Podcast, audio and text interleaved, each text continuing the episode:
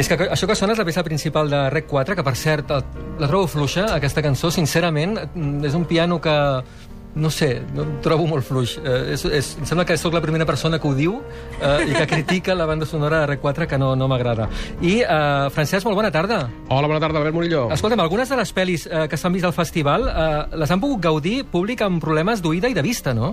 Doncs la veritat és que sí, tot ha sigut gràcies a una aplicació gratuïta que s'ha posat en proves definitivament durant aquest festival de Sitges. És l'aplicació Art Access, que està desenvolupada pel Departament de Cultura de la Generalitat a través de la Direcció General de Creació d'Empreses Culturals Sí. i que es troba de forma gratuïta a les botigues d'Android i de i d'iOS per, per, pels, pels iPhones. I l'has provada o no? Doncs jo l'he provada. Ara, durant el Festival de Sitges ha estat en proves a través de la pel·lícula Rec 4, precisament que comentaves, La distància, Asmodèxia, i també la trobarem en proves en un parell d'episodis de La Riera. I jo l'he provat a través del sistema de 3 a la carta amb un d'aquests episodis de La Riera. I us explico. Pensava que seria al cinema veient Rec 4. No, home, no, Perquè ja la vas veure, ja la vas veure, és veritat, és veritat. la vaig veure al començament i Sí. encara no s'havia presentat oficialment la- la- L'aplicació. l'aplicació. Doncs la veritat és que funciona de la següent manera. Aquesta aplicació us la descarregueu i a través d'ella eh, podeu veure tot el contingut, perquè tot el contingut se genera des de la pròpia aplicació, dels responsables de l'aplicació, i està posat tot en un lloc centralitzat que accediu des de l'aplicació. Mhm. L'aplicació el que fa, bàsicament, és integrar-vos subtítols i audiocomentaris. Però com ho fa per, per sincronitzar-se? Aquí està, aquí està el kit de la qüestió.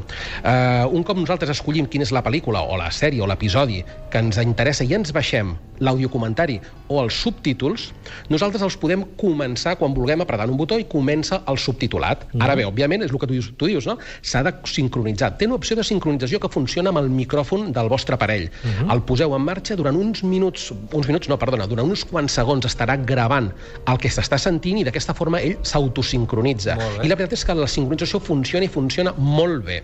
Molt bé, Art Access, eh? tot junt, per iOS i per Android. I escolta'm, eh, estaràs trist, no? Demà s'acaba, o no sé si mm, també tens ganes perquè estàs molt cansat. Com, com, com portes els ànims? Doncs, bueno, la veritat és que aquest, aquest festival ha sigut una miqueta més light que els, que els altres festivals. He, he vist una, unes quantes pel·lícules menys uh -huh. i, home, eh, hi ha, hi ha una mica de tot, no? Ganes de- d'arribar també a casa, una mica. Molt bé. I, I la veritat és que em queden tantes pel·lícules per veure, tantes que no he vist. Eh? Un dia aquests m'hauré de posar jo en contacte amb el Roger, ens haurem de partir una mica el festival i després explicar-nos-el, i així ens semblarà que l'hem vist tot sencer. Molt bé, i què ens expliques, Francesc? Doncs mira, per exemple, us dic unes quantes coses, coses molt interessants, coses digitals, coses que tenen a veure amb l'univers digital. Per exemple, Rec 4. M'agradaria que tots eh, doneu un cop d'ull al cartell de Rec 4, al cartell oficial de Rec 4, i no em diguéssiu que allò no us recorda a Lara Croft. Sí. Jo crec que aquí hi ha un link Sí, sí, molt, molt evident, eh, amb l'última Lara Croft que hem vist per les consoles de nova generació.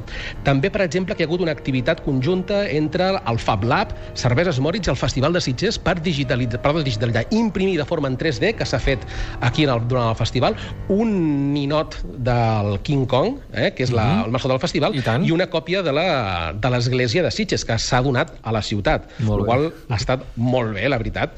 Eh, haig de dir que el festival doncs, ha tingut un parell de punts interessants. Eh, ha millorat, per exemple, en que hi ha hagut cada cop s'aglutinen al festival tot activitats paral·leles i cada cop n'hi ha hagut més. Hi ha hagut moltes més exposicions que l'any passat, Sí. presentacions de llibres com el de Desiré Fernández i Jordi Sánchez Navarro, Que va han fet molta feina, eh? amb nosaltres, moltíssima, Sí. sí. moltíssima. Per exemple, ha seguit, ha seguit aquesta relació entre el festival i l'univers digital tant amb el, amb el certamen paral·lel fantàstic, uh -huh. eh, el de pel·lícules que es graven a través del mòbil, com per exemple la seva relació amb Filmin. I jo el que voldria fer és que aquesta relació amb el sistema de visionat sota demanda s'hauria d'eixamplar. Sí. S'hauria d'eixamplar durant, no només durant els dies del festival, sinó durant tota la resta de l'any. Les persones que veiem al festival i que sempre tenim aquests problemes de quadrants, que no podem veure totes les pel·lícules, jo no crec que estaria molt bé que es donés l'oportunitat de que moltes d'aquestes pel·lícules, o sigui que el festival sencer tingués una altra vida a la xarxa més enllà durant els seus dies. I això, Francesc, passa, per exemple, amb un festival que ve ara, que és l'Inèdit, eh, que durant Exacte. tot l'any pots veure aquelles pel·lis que es van presentar, no totes, evidentment, perquè tot, doncs, el tema del, dels recursos i de, i de, i de certes òbviament. coses, imagino, pues, es pot fer, i es pot fer segur, eh? I una de les coses que llavors trobem a faltar precisament del festival és, en aquesta relació digital que li busquem, és que no hi ha una app oficial del festival. Uh -huh. I això és una cosa que ens sorprèn, perquè molts festivals, per exemple, recordo que que durant el, el sonar el, el nostre company eh, em parlava de les apps que es fan pels festivals, les En que Robles, es reprofiten, no? Sí. eh, les que es reprofiten, les que no es reprofiten, i la veritat és que li falta una, una, una app, una app que aglutini tots els serveis que dona el festival, que són molt interessants i que sobretot et permetria tenir sempre el calendari a mà en el teu telèfon. I es nota faltar a parlar una miqueta de videojocs. Altres, altres edicions del Festival de Sitges se n'ha parlat una miqueta més. Nosaltres hem moderat eh, el programa Generació Digital, tu mateix, Albert, has moderat alguna taula rodona que parla sobre el, sobre el tema del videojoc i jo crec que, de la mateixa manera que fins fa molt poc no ens pensàvem que la televisió seria la, la nova ficció televisiva, la nova ficció de qualitat, eh? Sí. no ens ho pensàvem. Jo crec que dintre d'uns quants anys estarem veient com molta d'aquesta nova forma de narrar la trobarem en els videojocs, potser per la seva vessant més interactiva. Però no m'extanyaria que de la mateixa forma que fa uns quants anys el cinema era la, la ficció de qualitat i la televisió era una miqueta la, Bé, estava molt deixada de banda, no podia sortir res bo del que era la tele, i avui en dia tots pensem que la tele és la que té la ficció de qualitat, no m'estranyaria que d'aquí uns quants anys eh, trobéssim que en els videojocs és quan es comencen a produir els conceptes més nous, les franquícies més trencadores, eh, la ficció de millor qualitat es comença a produir en aquest món del, de la ficció digital interactiva que porten els videojocs. No estaria malament que un festival com Sitges li donés cada cop una miqueta més de, de banda I ampla. pensa que ells són força sensibles en això i segurament passarà el que dius. Uh, anem una mica per acabar amb les recomanacions. Pues eso. Doncs estem sentint Poseso, dirigida per Sam, i és una pel·lícula d'animació tradicional en plastilina, en stop Sí. motion, feta a casa nostra, amb molts referents culturals de- d'una mica de l'Espanya canyí, que tots tots reconeixerem perfectament. I, Eh, el protagonista és una mena de nen endimoniat, que és el fill d'una bailaora i d'un torero. Pot haver algú més canyí i de premsa del cor que això. T'ha agradat? Està molt bé, Sí? està bé. molt bé i jo realment la recomanem, és un gran, un gran esforç fet des d'aquí, que té tot aquest punt de la qualitat de les, de les animacions stop motion d'Artman, eh, de Wallace i Gromit, i la veritat és que ens ha sorprès molt. Una que ens va recomandar en Jordi Sánchez Navarro i que ha rebut premi al festival per partida doble, que és Babadook. Uh -huh. Molta por, molta por en aquesta pel·lícula australiana, us ho dic molt. Voleu riure una mica? Zombis, riure, zombivers. Eh, castors zombis, no us dic res més. Vull dir, a, a, a, ja està. Sí, realment.